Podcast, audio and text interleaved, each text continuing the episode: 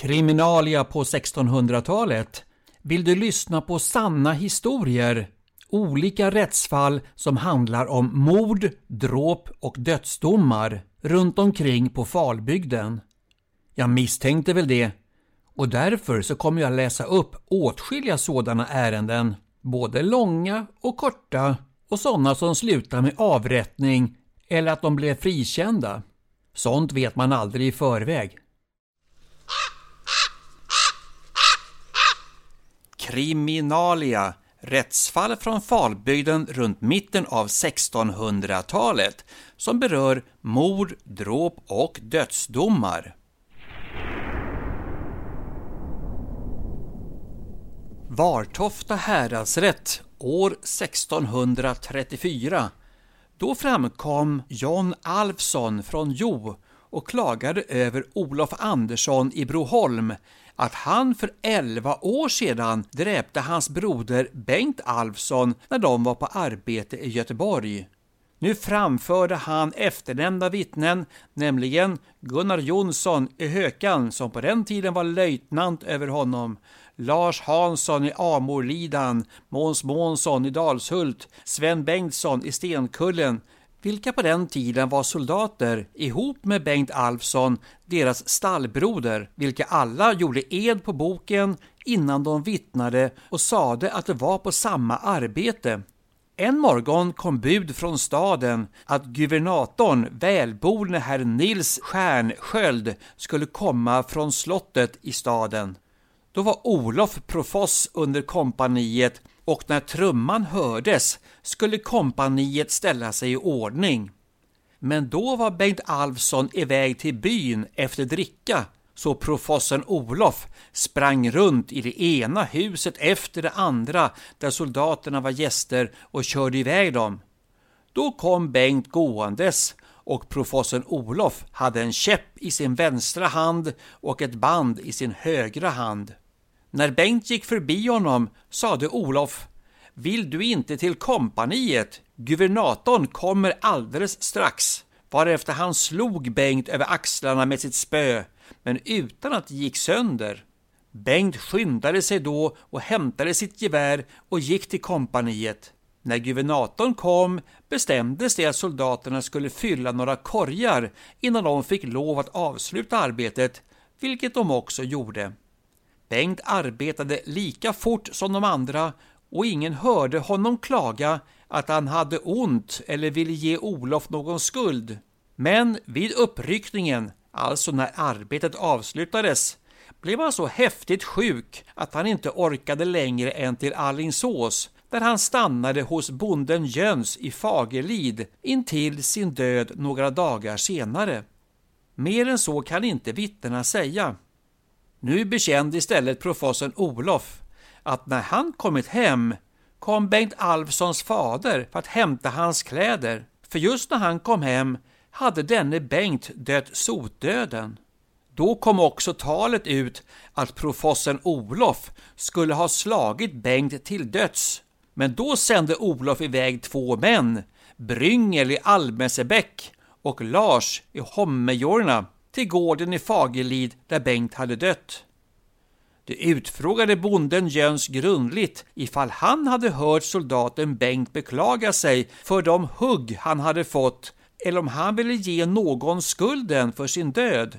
Därpå svarade Jöns i Fagerlid att han hade frågat soldaten Bengt grundligt om hans sjukdom och om han hade några ovänner. Men då svarade han nej och att han inga ovänner hade utan att han hade fått en häftig sjukdom. Mer kunskap än så fick de inte, vilket de också berättade för rätten.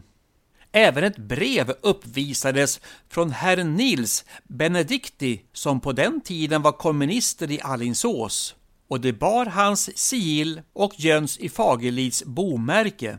Brevet berättade att när Bengt Alfsson fick besök av herr Nils och fick det högvärdiga sakramentet, alltså nattvarden, så frågade han Bengt om han hade ovänner eller varifrån sjukdomen kom. Men Bengt sade att han inte hade några ovänner. Men då sade herr Nils att han hade hört att professorn Olof slagit honom i Göteborg och ville veta om han hade fått något ont därav. Då svarade han, därom må det vara som det är, jag kan ingen beskylla. Därpå överlämnade han sig i Guds händer och dog. Mera kunskaper kunde inte häradsrätten få om saken, så Olof ställdes i borgen. Ett drygt halvår senare, Vartofta häradsrätt i juli 1635, då framkom för rätten Peder Alfsson i Sandhem och hans broder John Alfsson i Jo, vilka besvärade sig att Olof i Broholm slagit ihjäl deras broder Bengt Alfsson för 12 år sedan. Detta ärende hade framförts på tinget hösten innan, men då fick de i uppdrag att resa till Allingsås och få närmare besked av bonden Gunnar i Fagerlid där brodern dog, men också kaplanen herr Peder på samma ort, vilka tidigare hade gett sina bevis till Olof i Broholm. Om de andra bevis skäligen kunde få gavs det tillåtelse att få återkomma till hösttinget. Således ett halvår senare var Tofta häradsrätt oktober 1635.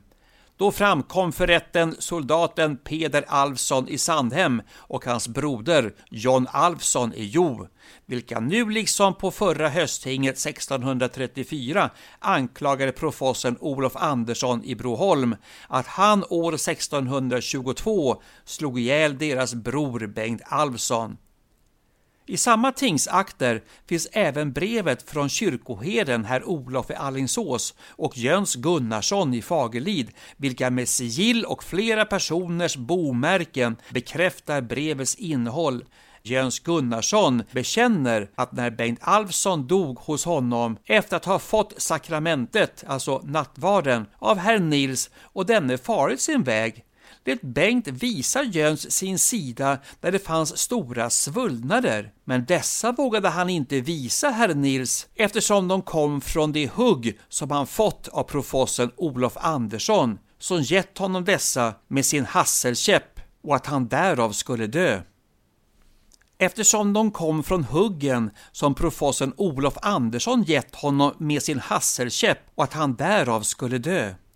Detta bevis står alldeles emot det som herr Nils framfört ihop med Jöns Gunnarsson vid den föregående rannsakningen, där det sades att Olof använde en smal käpp av ale. Därtill framlades ett brev som var utgiven av Lars Jonsson i Bälinge och några av hans grannar i Allingsås socken dock varken förseglat eller försett med bomärken under dess innehåll. Här sades att när professorn Olof sände iväg Bryngel och Lars för att utfråga Jöns i Fagerlid krävde det av Jöns att han inte bekände att Bengt ville beskylla Olof för sin död. Detta ville de båda inför rätten förneka och inte var sant. Nu tillfrågades Peder och John Alfs söner varför de dröjt så länge med sin anklagelse då berättade Peder att han hade varit i Livland som soldat och sedan fem år i Tyskland. Dock bekänner han att mellan dessa båda krigståg var han här i landet under tre år. John berättade att han på den tiden var övermaga, det vill säga omyndig, fast nu varit sin egen man, det vill säga myndig, under en god tid. Därför sköts ärendet till häradsrätten som efter lag och bästa samvete må döma. Detta blev rättens enhälliga dom att eftersom de fyra edsvurna männen, liksom Olofs båda män, kunde vittna om att professorn Olof utan hat eller avund hade gett Bengt ett slag medan han befallde, samt att slaget inte gett en skada som kunde frambringa död. Inte heller hade anklagelsen framförts i laga tid eller lyckats binda Olof som en sann dråpare. Av dessa skäl blev Olof befriad av rätten från alla beskyllningar.